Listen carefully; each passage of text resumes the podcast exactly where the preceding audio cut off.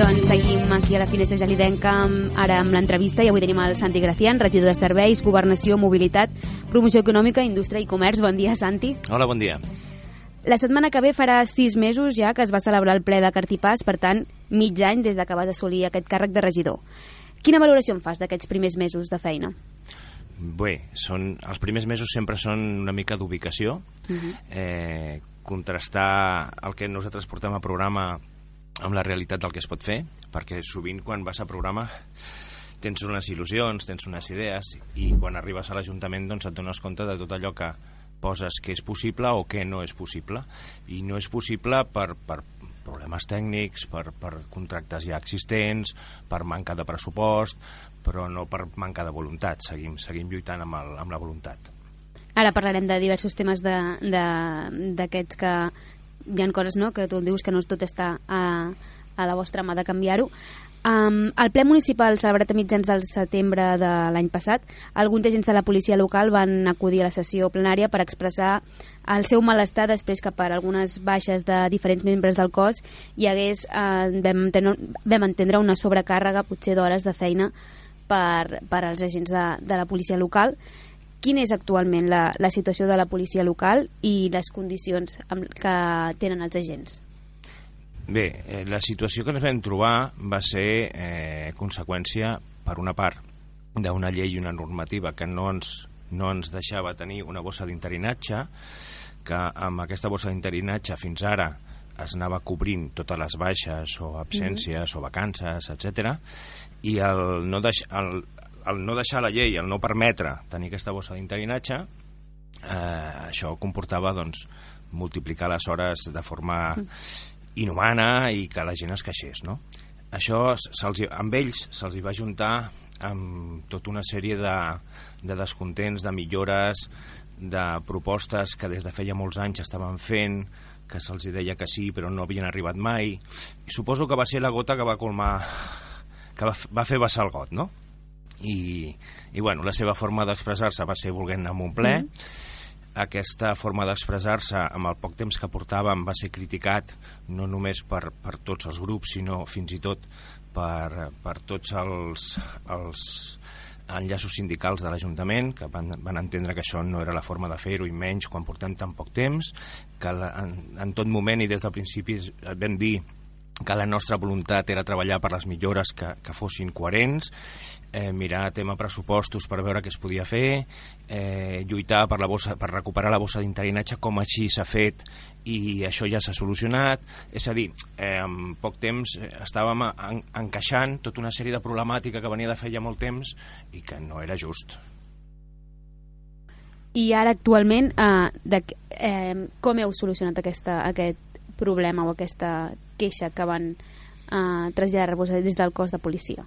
Eh, et refereixes al tema d'hores o et refereixes al tema de millores o et refereixes a què et refereixes? M'ho pots explicar les dues coses. Eh, ells sobretot es van queixar de, del tema de les hores, però entenc que també hi havia tota aquesta sèrie de millores que, que volien. No sé quines s'han pogut ja mm, dur a terme o quines no. Pel tema de les hores s'ha solucionat perquè s'ha activat la bossa d'interinatge mhm. -huh. i pel tema de millores estem esperant pressupostos per veure què es pot fer. És, és una de les coses que tenim sobre la taula i que ells saben i que estem en constant diàleg amb ells. Uh, just la mateixa setmana van aparèixer uns cartells a l'IDA que, uh, bé, es queixava una mica d'això, no? de que només es deia que només hi havia un, un agent de policia i que uh, deien que Gelida era un poble insegur. Gelida és un poble insegur? No, això no és cert. De fet, eh, nosaltres pel nombre d'habitants no hauríem de tenir no, ten, no tenim l'obligació de tenir policia local.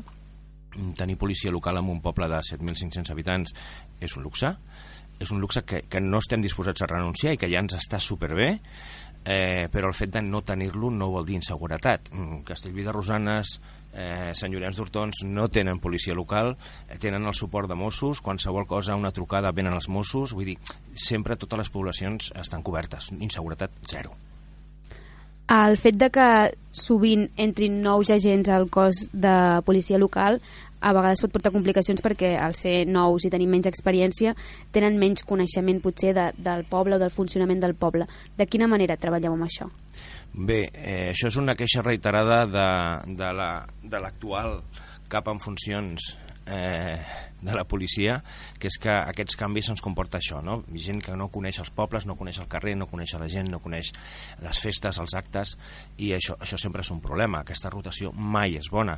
Eh, de fet, l'antic govern, amb, amb la intenció de solucionar això, va treure places per tenir places fixes i evitar això, o pensant-se entenc que pensant-se que els que ja estaven es quedarien i va resultar ser tot al revés. Eh, no es va quedar ningú dels que hi eren o molt poquets i van entrar molts de nous, amb la qual això comporta eh, aquesta, reafirma aquesta rotació, a més a més són gent que després ha d'anar a l'acadèmia, que quan va a l'acadèmia has de tirar de, de bossa d'interinatge, eh, i això és un constant. fi- Aquí falten molts anys a Gelida per tenir una plantilla fixa, que hagin passat tots per l'acadèmia, que estiguin consolidats, etc etc. Falta temps. I per què creieu que passa això de que eh, molts agents marxen? És a dir, estan un temps aquí i llavors marxen. Bé, eh, hi han diversos casos. De fet, en tenim uns fa poc. Una persona ha aprovat a Mossos, se'n va a Mossos. Una persona ha aprovat a Guàrdia Urbana de Barcelona, se'n va a Guàrdia Urbana de Barcelona. Una persona s'ha s'ha volgut acostar a casa seva, s- se n'ha anat a un poble proper a casa seva. Uns, bueno, altres diuen que és un problema de que a fora es cobra més, entenc que a poblacions més grans es cobra més, Mm, si ells valoren doncs, ser més o tenir altres tipus de feines o i estar en una població més gran i cobrar més doncs és molt lícit. Mm, al final millores econòmiques en pots trobar petites diferències però no són grans diferències cadascú ho valora com, com vol Pel que fa a la mobilitat, un dels temes que preocupa bastant els gelidencs és el fet que costa bastant aparcar al poble. Respecte a la zona blava, des d'Esquerra eh, es va dir moltes vegades que no creieu en aquest model de, de zona blava i que defensava un model de rotació, de rotació. però a hores d'ara segueix sent el mateix. De quina manera s'ha de gestionar aquesta zona blava? Mira, una de les coses que portàvem a programa i que volem executar ja perquè se'ns tira el temps a sobre i, bueno, com dic, en aquests sis mesos amb tot això eh, t'has de posar una mica al dia, no? Però, però ja, jo crec que no hi ha excusa, ja tenim que, que posar fil a l'agulla. Des del programa, i, i no només d'Esquerra, sinó el programa conjunt que vam firmar entre tots els grups, eh, es parla de la zona blava, mantenir la zona blava perquè hi hagi rotació, però no en forma de pagament, sinó en forma de rellotge, com hi havia uh -huh. antigament. I això és el que farem.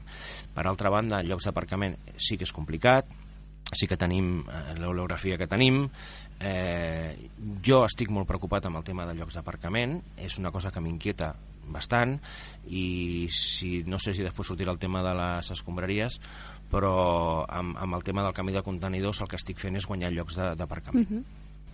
I eh, deies això de, no, de fer servir aquest eh, rellotge que es feia servir abans. Eh, per quan creieu que això que hi haurà aquest canvi, de que començarem a fer servir aquest no, no et mètode? puc dir una o no? data però estem treballant amb això Un altre dels temes que s'ha parlat amb els plens en relació amb, a l'aparcament és el de la instal·lació i la posada en funcionament d'unes càmeres per fer aquest control de l'aparcament i de les zones de càrrega i de descàrrega. Aquestes càmeres es van adjudicar en el mandat anterior i l'equip de govern anterior no les va començar a fer servir i ara de moment aquest sistema no s'està utilitzant. Quin és l'objectiu que es pretén fer amb, amb, amb el tema aquest de les càmeres? amb el tema de les càmeres eh, està definitivament derogat, o sigui, no, no, no es posaran No es posaran. càmeres, s'ha tirat enrere el contracte i, i definitivament no es posaran càmeres per acord de govern. Perfecte. Eh, i eh, el que deies, no? Per, en, teniu previst, més enllà del que m'has dit de que amb el canvi de contenidors ha, hi haurà alguns, es guanyen alguns llocs d'aparcament, eh, teniu previst alguna altra manera d'intentar facilitar aquest, aquest estacionament a Gelida? Eh, això és un estudi que encara no s'ha fet. Està pendent d'estudi, no només a l'aparcament, sinó el que és la, no només l'aparcament i la rotació per tema comerços, que és molt important, sinó també el tema de la mobilitat general de Gelida. Està planificat amb estudi per, perquè se- segur que es poden fer moltes millores, tant de mobilitat com de senyalització, com de càrrega i descàrrega, com de... Tot això és un estudi que estem fent profund i, i, i que es faran actuacions. Mm, es comencen a fer ja, però que hi ha coses que encara estan en procés d'estudi. Al principi del mandat, en alguns dels plens municipals, vau explicar que a l'entrar a la regidoria us havíeu trobat amb un model d'organització de la brigada que no consideràveu el més eficaç. Um, hi ha hagut algun canvi uh, pel que fa a la manera de treballar i la manera d'organitzar-se de la brigada? Sí, sí, sí. Eh, bueno, sense voler criticar el model anterior, eh? Mhm. eh era, era un model, mm, bueno, lícit, que funcionava eh, d'una forma que jo no compartia i ho he canviat.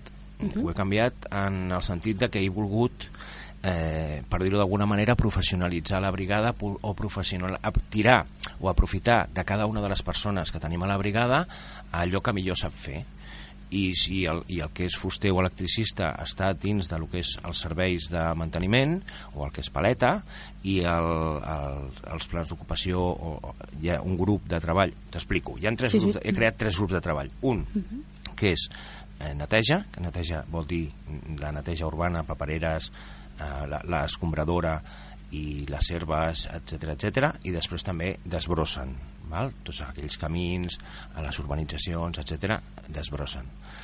Uh, això és el, seria l'apartat de neteja. Hi ha un altre apartat que és el de manteniment, que aquí estan tot el manteniment dels edificis municipals, tot el manteniment de la via pública, eh, ja amb aquests professionals que et dic, no?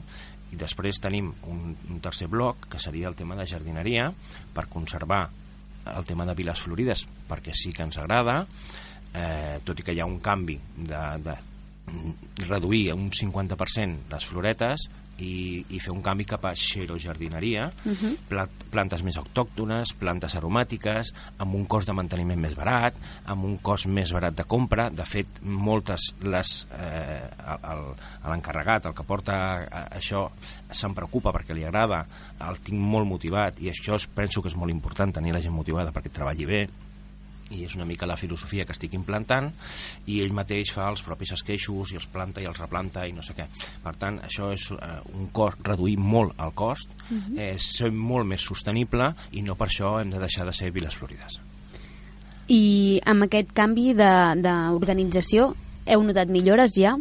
Mm, jo he notat... O, o mm, no sé si millores però més uh, facilitats o més millor funcionament dintre de la brigada? Mira, millor funcionament a aspectes de poble ho hauran de dir els ciutadans. Uh -huh. eh, si veuen la gelida que està millorant o no. Ho deixo a la seva, a la seva mà, a la seva veu. Eh, internament, sí.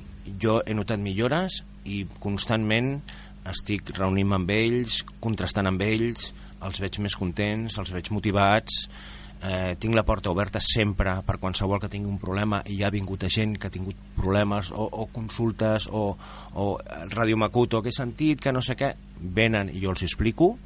Hi ha transparència total i això eh, segons em diuen ells estan molt agraïts. Una altra de les preocupacions pel que fa a la brigada és l'estat dels vehicles eh, que fan servir. Actualment quants vehicles disposa l'equip de la brigada i en quines condicions estan o en quin estat estan?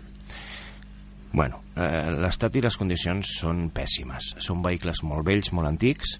Eh, tenim un desballestat que l'hem de vendre per xatarra.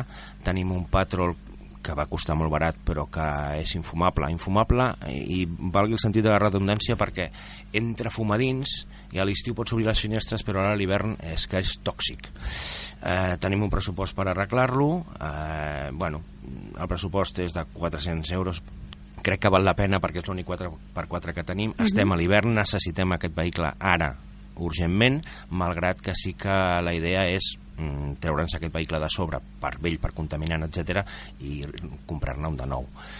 Eh, tenim un de lloguer perquè ens falta un vehicle, estàvem esperant pressupostos nous per poder comprar vehicles i ara justament estem amb l'estudi, amb, tant amb l'interventor com amb, amb la, amb la gent de la brigada, els caps de la brigada, per veure els vehicles més adients, quants en podem comprar i d'aquests que puguem comprar, quins són els més urgents. Dintre de la regidoria de serveis també hi ha la gestió de la recollida de residus, eh, que en parlàvem abans. En campanya electoral Esquerra apostava per la recollida porta a porta, però en aquestes últimes setmanes s'ha començat el desplegament dels nous contenidors. Um, com heu decidit aquest canvi i per què? Bueno, si et fixes, des de que vam entrar a govern, i com bé has apuntat, eh, ens vam trobar amb uns contenidors que tots sabíem que estaven repartits entre cementiri, la gelidència, etc etc, mm -hmm. que eren visibles per tothom. Hi havia un camió nou, dos camions nous, perdó, un petit i un gran, i, i vam dir, a veure, no és el model que volem.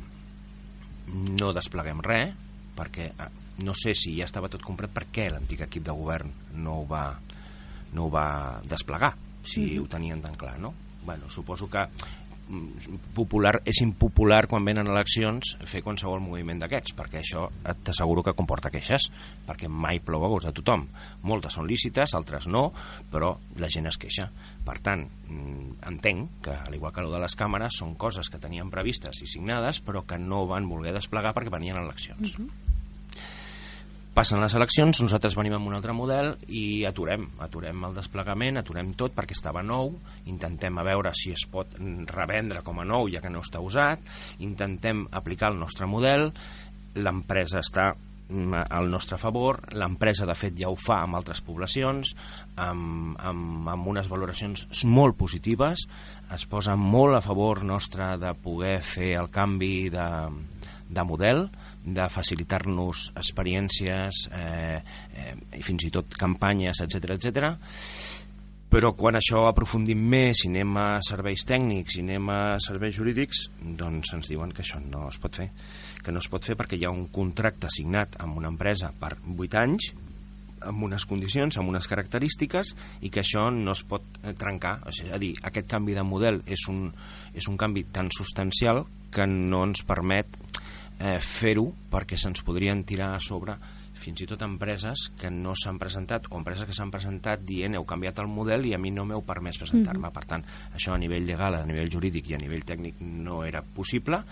Si ho fèiem ens costava molts diners, cosa que tampoc estem disposats a llançar els diners dels ciutadans, i no hem tingut més que que bueno, fer el desplegament i aplicar el model que s'havia signat, que ens hipoteca per 8 anys, va ser el febrer del 19, per tant, ara faltaran 7 anys, al febrer faltaran 7 anys, i estem enganxats amb aquest model només jo pensant, eh, cosa meva, no sé també si ara diré una bestiesa, potser hi ha algun jurídic aquí que em diu això no seria així, però només pensant que si hi ha alguna normativa europea, alguna normativa de, de residus o alguna llei que ens obligui uh -huh. a, a fer aquest canvi, només en aquest cas es podria fer i tampoc ni així sé si seria viable, no? Però si no estem hipotecats, no, no, no podem fer més que, que assumir un model obsolet, un model antic, un model que fa pudor, un model que fa soroll, un model que ocupa llocs d'aparcament, un model... i que a més i que a més a més amb, amb contenidors tant de superfície com soterrats que, que és el pitjor model per reciclar, per, per gestionar els residus i per ser eficients.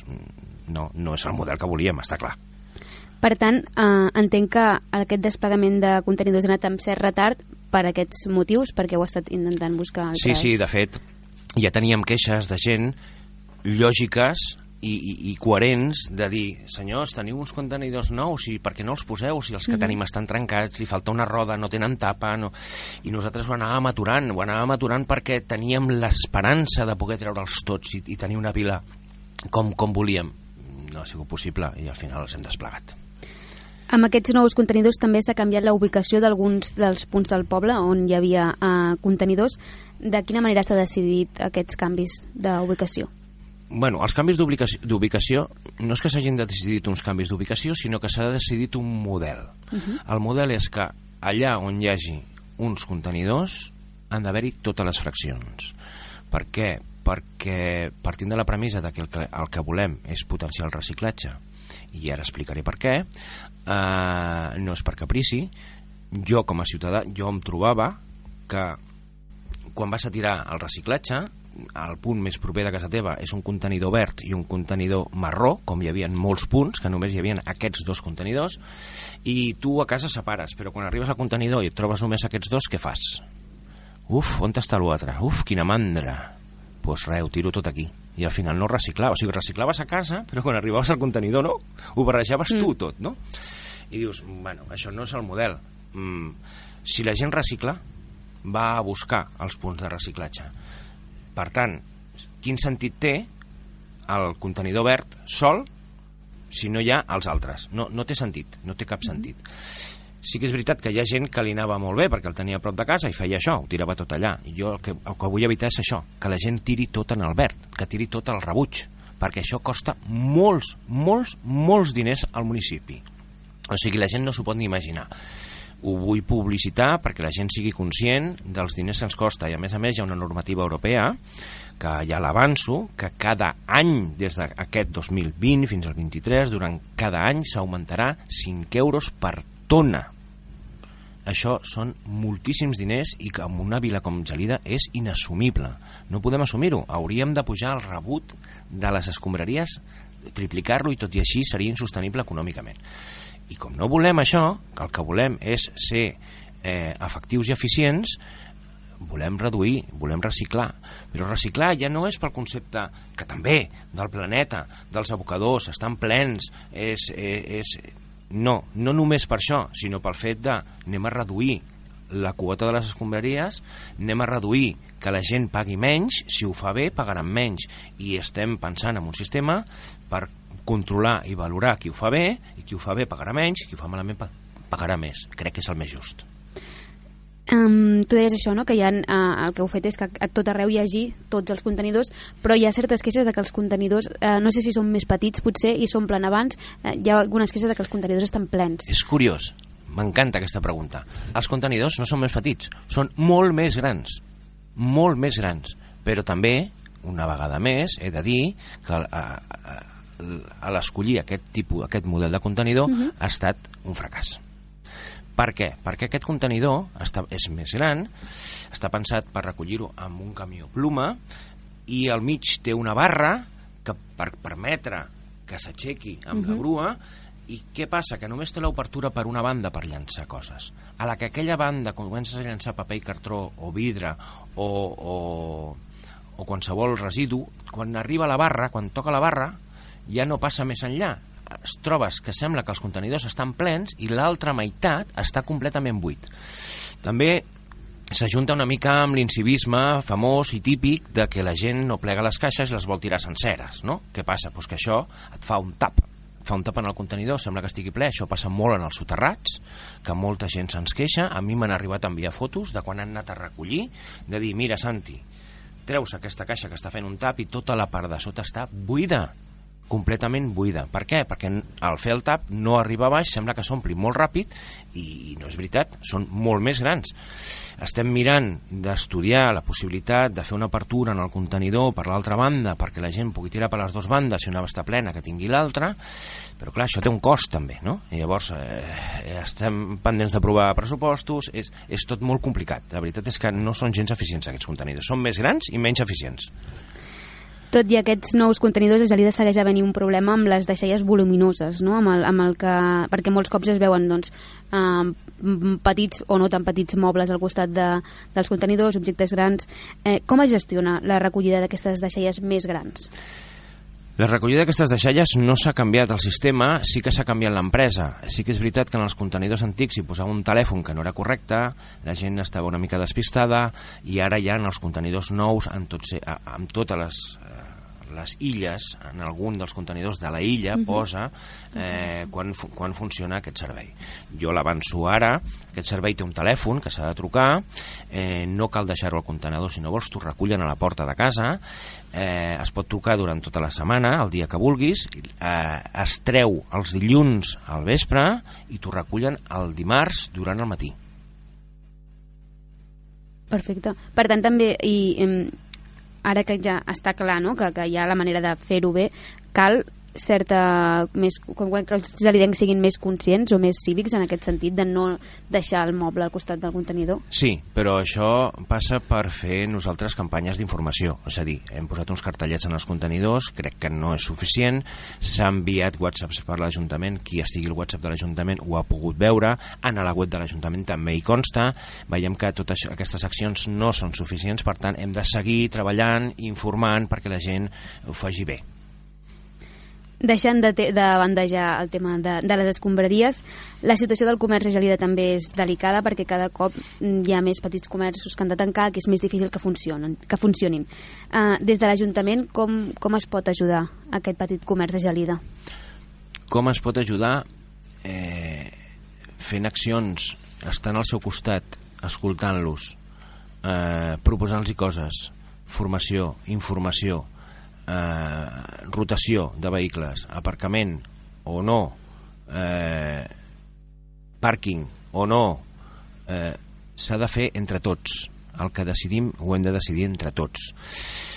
Tenim idees, tenim propostes, tenim coses per, per dir, però se'ns ha juntat amb una notícia d'última hora que ja es veia venir, però no em pensava que fos tan d'hora, de que l'associació de botiguers, la junta de l'associació de botiguers, bueno, doncs, lícitament cremada pel temps que porta, etc etc necessita un relleu, volen un relleu i això ha sortit una notícia on, on s'anunciava que es faria una reunió ara al gener amb tots els botiguers per veure qui agafava aquest relleu i jo vull fer una crida aprofitant, si em permets, el Sí, sí, mitjà de tant. comunicació que tenim aquí davant que eh, vull animar a tots els botiguers de Gelida a tots els comerços i fins i tot autònoms que hi puguin haver-hi que hi siguin en la reunió que s'apuntin a l'associació i, i el motiu és senzill. Nosaltres com a Ajuntament volem fer propostes. També hi ha una partida pressupostària proposada pels nous pressupostos pel tema del comerç de gelida i evidentment nosaltres volem fer propostes i volem parlar amb ells però necessitem un interlocutor fort necessitem una associació que aglutini el màxim de comerç. Nosaltres com a Ajuntament no podem anar comerç per comerç explicant, valorant, preguntant... Eh, és, seria inviable. Per tant, necessitem uns representants dels comerciants que aglutinin a la majoria de comerç per fer coses reals pel comerç de Gelida. Per favor, comerciants, apunteu-vos a l'associació, si més no, veniu a la reunió, escolteu les propostes i el que, el que, eh, que l'objectiu del 2020 pel comerç de Gelida. I a partir d'aquí decidiu si voleu o no, si ho veieu convenient. Jo crec que sí, que serà molt interessant els projectes que tenim pel 2020 pels botiguers de Gelida. Per altra banda, l'anterior mandat també es va acordar amb els botiguers deixar el carrer Major obert durant un any per provar com funcionava. Quan queda perquè s'acabi aquesta prova? Ara, s'ha acabat.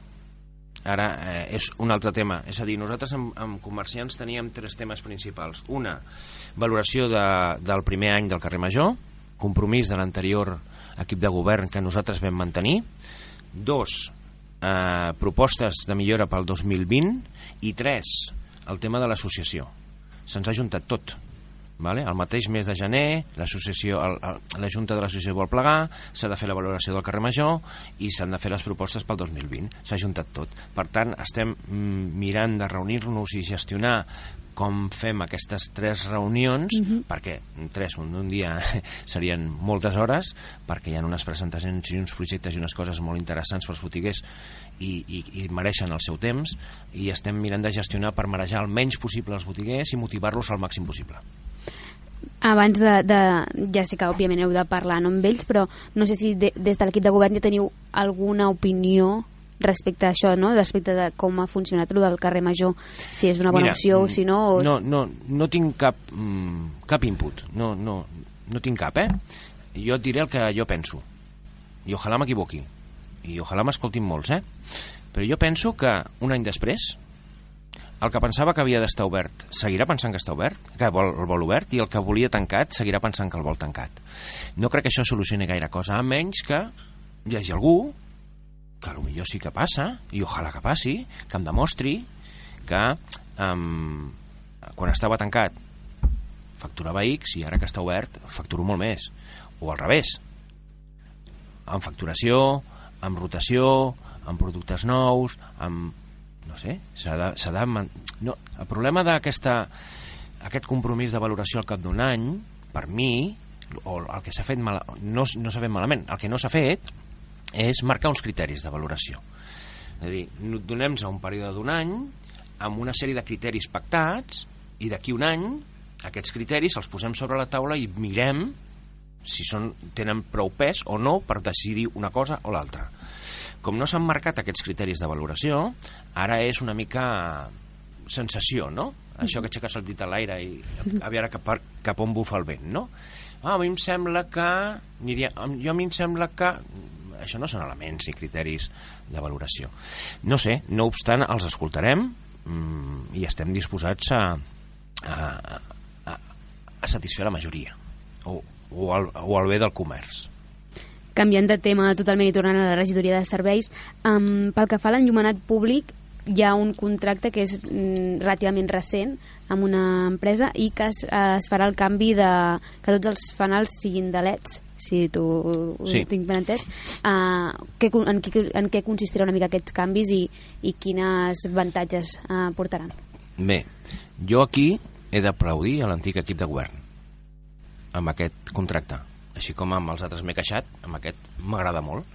Penso que ha estat una bona decisió, penso que és un canvi de llum molt més sostenible, menys contaminant alumínicament, més barat, i que, a més a més, aquest canvi no ens costa uns diners directes a l'Ajuntament. També és veritat que al no costar-nos uns diners directes a l'Ajuntament tampoc tenim un benefici directe Mhm. de l'Ajuntament, perquè justament aquest benefici és el que paga la inversió que fa l'empresa. Però, xapó, ben negociat, molt ben fet. Aquest canvi ja es va començar a fer abans d'entrar nosaltres a govern i ara estem amb un 98-99% de tots els llums canviats. Eh, hi ha algun punt conflictiu d'accés que encara queda, hi ha algun punt que, que s'ha de millorar aquesta mateixa setmana vam veure que hi ha una sèrie de carrers, de carrerons petits que van de circunvalació a Avinguda Europa Mhm. que estan poc il·luminats el tipus de llum que s'ha posat abans era un globo, que lumínicament era molt contaminant, però sí que és veritat que expandia més ara és com un bolet que tira cap avall i clar, què passa? Que, que al no expandir tant eh, queda tot més fosc eh, ampliar la potència tampoc seria lo adequat, amb, el, amb el qual estem mirant eh, opcions de posar un doble barret o de posar un altre punt o de... Eh, tot això també pendent de pressupostos perquè tot això costa diners però i escoltant a la gent. La gent es queixa de que hi ha molts punts que hi ha molta llum, cert. Estem sobrepassats de, de, de no, no me'n recordo com es diu el, el, la intensitat de la llum no? Val, jo tampoc, estem, sigui. estem sobrepassats de la intensitat de la llum Mhm. i est, ja està fet ja un estudi del que seria coherent amb les vies principals i la resta de vies eh, està acordat i pactat aquests canvis es faran en breu Aqu- aquesta llum, a més a més, una altra de les coses bones que s'ha negociat i que té és que es podran graduar amb una aplicació perquè les llumetes tenen unes antenes que entre si aniran connectades cada una d'elles amb l'aplicació i cada zona o cada eh, carrer o cada aniran autoconnectades entre si i això amb una aplicació amb un sistema, amb un programa informàtic es podrà anar regulant de forma senzilla llum per llum, zona per zona, carrer per carrer, hora per hora, o sigui, et et permet fer virgueries. Posarem, un, baixarem la intensitat de la llum a, a, a uns lúmens, em sembla que es diuen lúmens, no? Bueno, Jo això sí que no. no, no, no sé. jo, jo és que tampoc sóc expert, eh? Jo soc, mm, no sóc ni polític, no? Sóc un ciutadà que vol fer coses bé i m'estic assabentant ara i aprenem moltíssimes coses. O sigui, és una experiència brutal. Um, ho, ho baixarem, com he comentat abans, i a partir d'aquí doncs, anirem regulant a aquells punts que necessitin més, aquells punts que molestin més, si hi ha una finestra, si hi ha un balcó, si hi ha no sé què. Hi ha gent que té una llum que... Bueno, alguns estan contents perquè dius m'estalvio llum a casa perquè no l'he d'encendre al menjador i puc sopar amb la llum del carrer i uns altres diuen ostres, treu-me la llum del carrer que no veig la tele, no? Bueno, tot això s'anirà regulant. Mm, per seguir una mica amb, amb l'enllumenat, fa res que han acabat les festes de Nadal, evidentment va haver-hi tota la posada no, de, la, de les llums de Nadal, mm, crec que no hi ha hagut cap novetat respecte a l'any passat, però de quina manera s'ha gestionat eh, tant on s'han posat les llums de Nadal com eh, el, el que ve ser quan s'apaguen, quan s'encenen, les que es deixen enceses, um, com ho heu decidit o quin criteri s'ha fet servir? En principi, per manca d'experiència, vam dir el mateix que l'any passat. Uh -huh. perquè no, no, no teníem un criteri per canviar res i quan jo crec que no pots canviar coses sense tenir un criteri, per tant si fins ara funcionava o funcionava d'una manera X i no tens uns criteris o uns elements de valoració doncs eh, apliques el mateix i a partir de llavors sí que estudies millores per l'any que ve que és el que hem fet amb tot, eh? amb Festa Major, amb Funifira, amb tot, eh? hem, fet, hem fet petits canvis, però no grans canvis, perquè tampoc tenim elements de valoració un cop ja ho has patit, ho has passat, ho has fet, ho has gaudit, pots dir, mm, canviem això, canviem allò, això serà molt diferent, o això no, o això ho conservem. Amb els llums de Nadal ha passat el mateix. hem fet els mateixos punts, el que passa és que hem mirat què teníem, tenim molt, moltes llums que per cert són propietat de l'Ajuntament. Jo es pensava, em pensava, ignorant de mi que es llogaven, no, no, són propietat de l'Ajuntament. Uh -huh. hi han moltes que no funcionen hi ha moltes que estan trencades. S'han posat els mateixos punts que l'any passat i eh, el, el, en quedava un petit retent de llums que ens han permès ampliar eh, el carrer Anoia que no n'hi havia hagut mai. Eh, n'hem posat a, a Cases Noves. N'hem posat un altre punt que ara no recordo. I, i volíem posar-ne un al Safari uh -huh. però al Safari teníem un problema. No tenim enllumenat públic. Per tant no podíem punxar, el que no farem com a Clar, Ajuntament és punxar com un ocupa, no? Perquè no queda bé, èticament, no? No acaba, no acaba. Consumeixen molt poc, no, no s'hagués notat res, però no, no era ètic. Per tant, vam demanar als veïns si algun ens deixava un punt de llum per poder-ho posar, i una veïna va dir, no et preocupis, que hem vist un llum que va solar, amb energia solar, que l'hem comprat per Amazon, l'únic que ens demanem és que ens el vingueu a posar. I així ha sigut, quan l'hem tingut, hem anat a posar-lo i hem tingut un llum de Nadal. Ja per, per anar uh, acabant, dintre de les teves regidories també hi ha uh, una part no, que és d'ocupació. Uh, quin és l'estat actual de, de, de l'ocupació, Gelida? Pues malament, dolenta. La situació actual és dolenta. Uh, principalment la gent que ve a, a l'Ajuntament a inscriure's al servei d'ocupació ens trobem que la majoria doncs, tenen... La primera dificultat que tenen és l'idioma uh -huh. ni català ni castellà ni parlat ni escrit per tant hem d'apretar en formació en aquest sentit tenim un cas curiós que a mi eh, l'explico perquè em va sorprendre no? una persona que va ser capaç de treure's el carnet de, de carretiller uh -huh. de torero que li diuen sí. vulgarment no? d'una empresa i quan van a l'entrevista de l'empresa no el van agafar perquè per problemes amb l'idioma no? llavors dius, ostres, tinc un, un valor un, un, una eina que, que em pot ajudar a, a, a trobar feina però la base no la tinc per tant, els problemes que ens trobem són molt bàsics vale?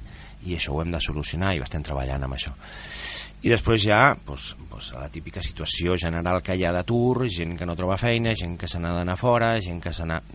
I això, mm, bueno, forma part de parlar amb les empreses entendre ben bé què necessiten les empreses de Gelida perquè la gent es pugui quedar a treballar a Gelida intentar que vinguin empreses a Gelida que portin llocs de treball i si la gent treballa i viu a Gelida també ajudarem al comerç que compraran a Gelida. I els hi farà més mandra agafar el cotxe per anar-se'n a fora que no si ja venen de fora els hi fa mandra venir aquí a comprar a Gelida i per millorar tota aquesta, tota aquesta situació, no sé si ja teniu previst alguna novetat pel que fa als plans d'ocupació eh, en un futur pròxim o hi ha algun... Eh, no sé si es vol fer algun canvi, alguna... Uh, bé, alguna, sí, alguna manera no, d'intentar millorar-ho. El que estem fent és parlar bàsicament amb Diputació i Consell Comarcal. Uh mhm. -huh. Ens estem assessorant per desconeixement en molts casos o per ignorància meva eh, de, de coses que hi han, subvencions, eh, formacions i coses que es poden fer a Gelida i, i ens, ens estem informant i assessorant. La setmana que ve tenim dos xerrades també pel tema de comerç, de, de gent que ens pot assessorar amb el tema comerç això va lligat amb possibles emprenedors que poden portar llocs de feina com a emprenedors, hi ha gent de comerços que es jubila o que es retira o que abandona el negoci i no té una successió familiar que el vulgui dur, és una llàstima, també es pot hi ha pobles que ho estan fent i jo m'estic interessant en aquest tema que es pot fer una mena de semitraspàs el que es diria un traspàs però un traspàs generacional té un nom que ara no recordo mhm. -huh. però el que es facilita que abans de plegar aquesta persona que es quedarà al negoci està un temps el darrer any o any i mig amb aquesta persona i és com si fos l'hereu es pacten unes condicions bones per les dues parts i ni una ha de tancar i l'altra té feina doncs, Santi, moltes gràcies per, per haver vingut i gràcies per, per ser tan clar, que sempre va molt bé per entendre-ho tot. Crec que més o menys hem tocat, eh, no tots, evidentment, els temes, però gran part de, dels temes que, que havíem de, de parlar. Agrair, agrair la vostra oportunitat de poder-me explicar.